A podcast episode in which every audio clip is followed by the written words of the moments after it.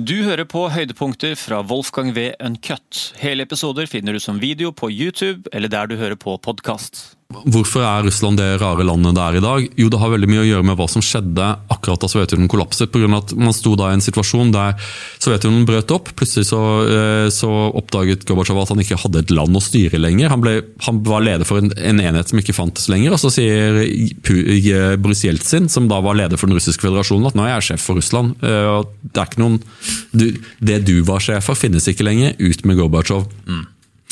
Ok, så Sovjetunionen og kommunismen har feilet. Da eh, henter man inn da vestlige rådgivere.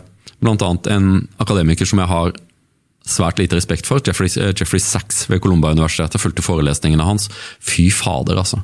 Å sette en sånn fyr for Det er liksom, det jeg misliker mest av alt, er mennesker som kommer og mener seg å være ekspert på ting som de ikke forstår, som gir råd som er fullstendig ødeleggende, og så deretter ikke føler noe ansvar for de direkte konsekvensene av deres handlinger pga. at de mente det godt.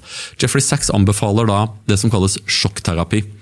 Tanken er at Sovjetunionen skal da bare konvertere til å bli en, eh, et liberalt markedsøkonomi mer eller mindre over natta. Så hele Sovjetunionen blir solgt på billigsalg eh, for Eh, for, for, for, for, småpenger. De folka som har tilgang til, til, til kapital, og som er, som er, nådeløse nok til å kjøpe oljeselskapet for et par dollar, ikke sant? det er det dagens oligarker. Det er rundt 18 av dem i Russland i dag. Uharvelig rike. Mm. De kjøpte opp restene av dette liket. Men vanlige russere så var den fasen i 1992 når man da slo over til markedsøkonomi, så skjøt eh, inflasjonen i gang. På ett år i 1992 så var inflasjonen 2591 mm. Det betydde at alles sparepenger ble verdiløse. En enorm usikkerhet ble seg gjennom samfunnet. Eh, og for, for, for russerne så var dette en enorm en, en, en, kjempeskremmende opplevelse. Eh, der eh, folk mistet jobbene sine, de var usikre på hvor maten skulle komme fra. Allting syntes å rase sammen. Og Det forklarer også hvorfor Putin er eh, fenomenet Putin, den sterke mannen som leverer sikkerhet, hvorfor han er ganske populær i Russland, det er han faktisk, mm. har å gjøre med denne, den opplevelsen av utrygghet som var, et, som var, en følge av et halsbrekkende eksperiment med å forsøke å gjøre Russland til et vestlig land. Eh, mer eller mindre over natta. Så istedenfor eh, reform, så, så ga amerikanerne, de amerikanske rådgiverne rådet dem til revolusjon. Og Mange i Russland mener jo og jeg tror ikke på det et øyeblikk, at dette var, at dette var, et, var et, komplott fra USAs side, der de ønsket å knekke Russland gjennom å gi dem dårlige råd. Mm. Mens jeg forsøker å si at nei, så sprø er de, så dumme er de, disse her venstreliberalerne, at de trodde at et land som ikke hadde noen erfaring med demokrati eller med markedsøkonomi, skulle kunne konvertere til disse to tingene mer eller mindre over natta. Mm. Eh, og at det kom til å gå bra. Men det gikk ikke bra. Det eneste det førte til, var et totalt samfunnskollaps. Og ut av denne kollapsen så, så, så, så sprang det en helt en forståelig ønske om trygghet. Et ønske om trygghet som én person, Putin, forsto. At, at, at, befolkningen ønsket trygghet framfor alt. Mm. Og Det er det han har bygd sin makt på. Ikke overraskende så springer han da ut av KGB. Eh, eh, og det, mange, mange, mange sovjetiske ledere gjorde også det. Eh, og du får da en form for autoritær kapitalisme som i dag praktiseres i Russland. Ja, og Autoritær kapitalisme, altså hva, hva innebærer det egentlig? Autoritær, eh, for, for, å bruke en fotballmetafor, så er det sånn i liberaldemokratier, eh, som du og jeg eh, elsker og bekjenner oss til, så har staten inntatt rollen som dommeren i økonomien. I autoritær kapitalisme så er det lagkapteinen. Eh, så staten spiller en sterk rolle i, eh, i økonomien, mm. og som allokerer og styrer ressurser. Eh, og dette kombineres med et la oss si, mangelfullt demokrati. Et svært mangelfullt demokrati i tilfelle med Russland, men fortsatt så er det et land der det er valg, og hvor, eh, hvor statens Eh, manipulering av dette er for, for, det første gjennom å styre hvem som får lov til å stille til valg, så folk som har en sjanse til å vinne valget, får ikke lov til å stille.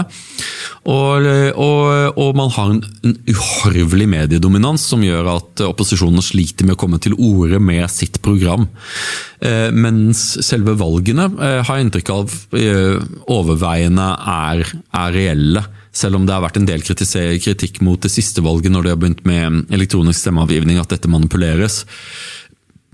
Godt mulig. Eh, jeg holder, jeg holder, ikke det for usannsynlig at regimet ville finne på å jukse i valg hvis det så ut som at, mm. at, de skulle finne på å tape.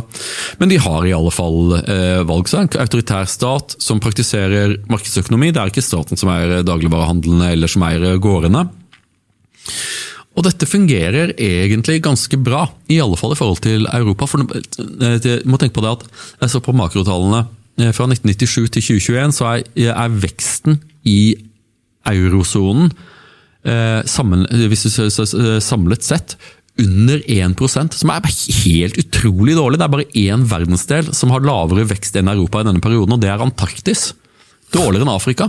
Russland derimot har en vekst som minner mye om den type vekst vi hadde før i tiden, rundt 3 mm. Ikke veldig, veldig bra, men, men, men nok til at de fleste får det litt bedre til neste år enn det de hadde det i år. Og Det bidrar til å altså, gjøre Putins regime stabilt. Hvordan vil Russland, med Putin som er så sentral i så mye, og med så makt, hvordan vil Russland fungere post Putin? Er, er, er Russland litt mer sårbare enn det virker det som? Det er, også, det er problemet med autoritære stater. Eh, det absolutte kongedømmet er en fantastisk styreform forutsatt at du har en skikkelig bra konge. Eh, og det ser du jo gang på gang opp gjennom historien, at Hvis du har en fantastisk konge, en Fredrik den store, som er en reformator, en tolerant eh, fyr som, som, som, fostrer kulturen, så er det en veldig bra måte å styre landet med. På Problemet med autoritære former for å styre er arverekkefølgen. Hvem skal etterfølge? Monarchy dies. Monarchy, ja, ikke sant? Og det er jo sånn at man forsøker, eh, Putin liksom nøret opp uh, Medvedev som, som, sin etterfølger, som fikk lov til å sitte og leke president en stund også. Men det ble ganske åpenbart at han ikke klarer å fylle den rollen. Og Det er jo en ting man spekulerer med. Det så en stund ut som at Putin hadde blitt syk, hadde fått en eller annen form for nervesykdom, og det var mye spekulasjon om, om, om, han, om han, var i ferd med å vandre. Og Da ble spørsmålet hvem, hvem kommer til å overta? Ingen vet.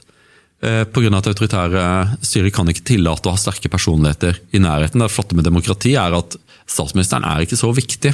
Hvis statsministeren, gud forby, i Norge skulle, skulle uh, forulykkes, så vil ikke Norge lide under det på annen måte enn at vi får en annen statsminister som mm. fortsetter.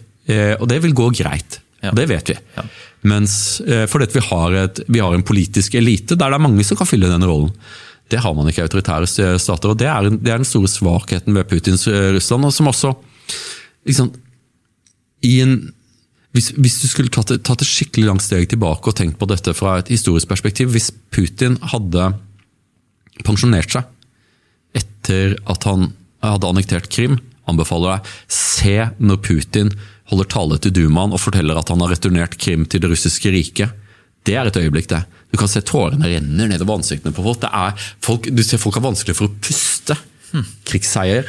Det er altså å vinne hmm. og føre territorium tilbake til imperiet. Det er det største øyeblikket i hans politiske karriere, det kan jeg love deg. Det er et sånt øyeblikk som nesten ingen politikere får oppleve. Det å stå foran parlamentet og erklære at jeg har ført tilbake noe som er vårt til, eh, til, tilbake til riket. Hvis han hadde pensjonert seg der, så ville han sannsynligvis kunne gått inn som en av, en av de store russiske lederne gjennom alle tider. Og det er liksom, nå, sier jeg, liksom, nå sier jeg ikke, dette, dette er ikke en normativ greie. Liksom, russerne dyrker Ivan den grusomme og Stalin også. Mm. Men han ville gått inn i, inn i den rekken, og det er åpenbart det han ønsker.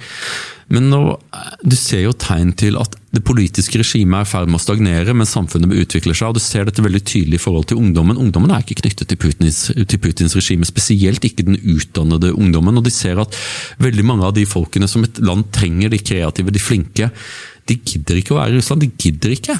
Eh, de vil leve i friere samfunn. Mm.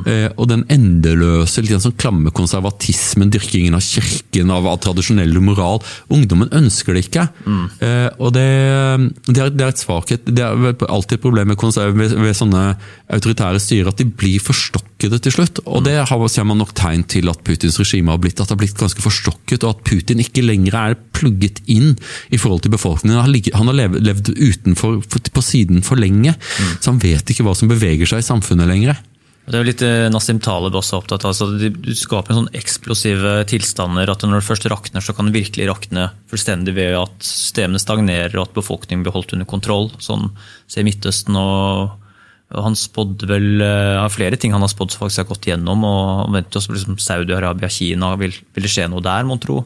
Ja, også det, det, det, som ofte skjer med autoritære regimer, den franske revolusjonen er et eksempel på det, er at når det rakner, så faller ikke, så faller ikke makten ned i hendene på en en sideperson som er kompetent, sånn som i demokratiet, da faller det rett ned i gata for noen til å plukke det opp. og Da er det, da er det en forundringspakke. Hvem er det som klarer å få kiva seg fram og få tatt makten? Mm.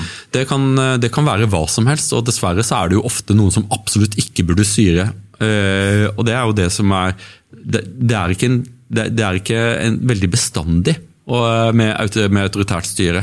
Mm. Og Det er også grunnen til at jeg er så, en så klippefast tilhenger av det liberale demokratiet.